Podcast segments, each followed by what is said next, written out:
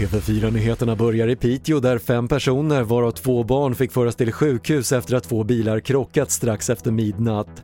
Skadeläget beskrivs som allvarligt för två av dem och föraren av bilen utan passagerare är misstänkt för grov olovlig körning och drograttfylleri.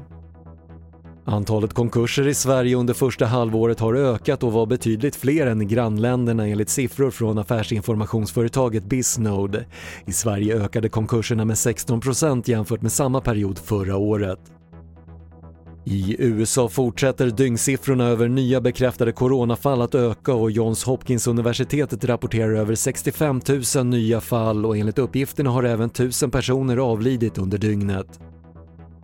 Och minskat resande och uppmaningen att stanna hemma har gjort att den som behöver ansöka om pass kan få en tid redan nästa dag.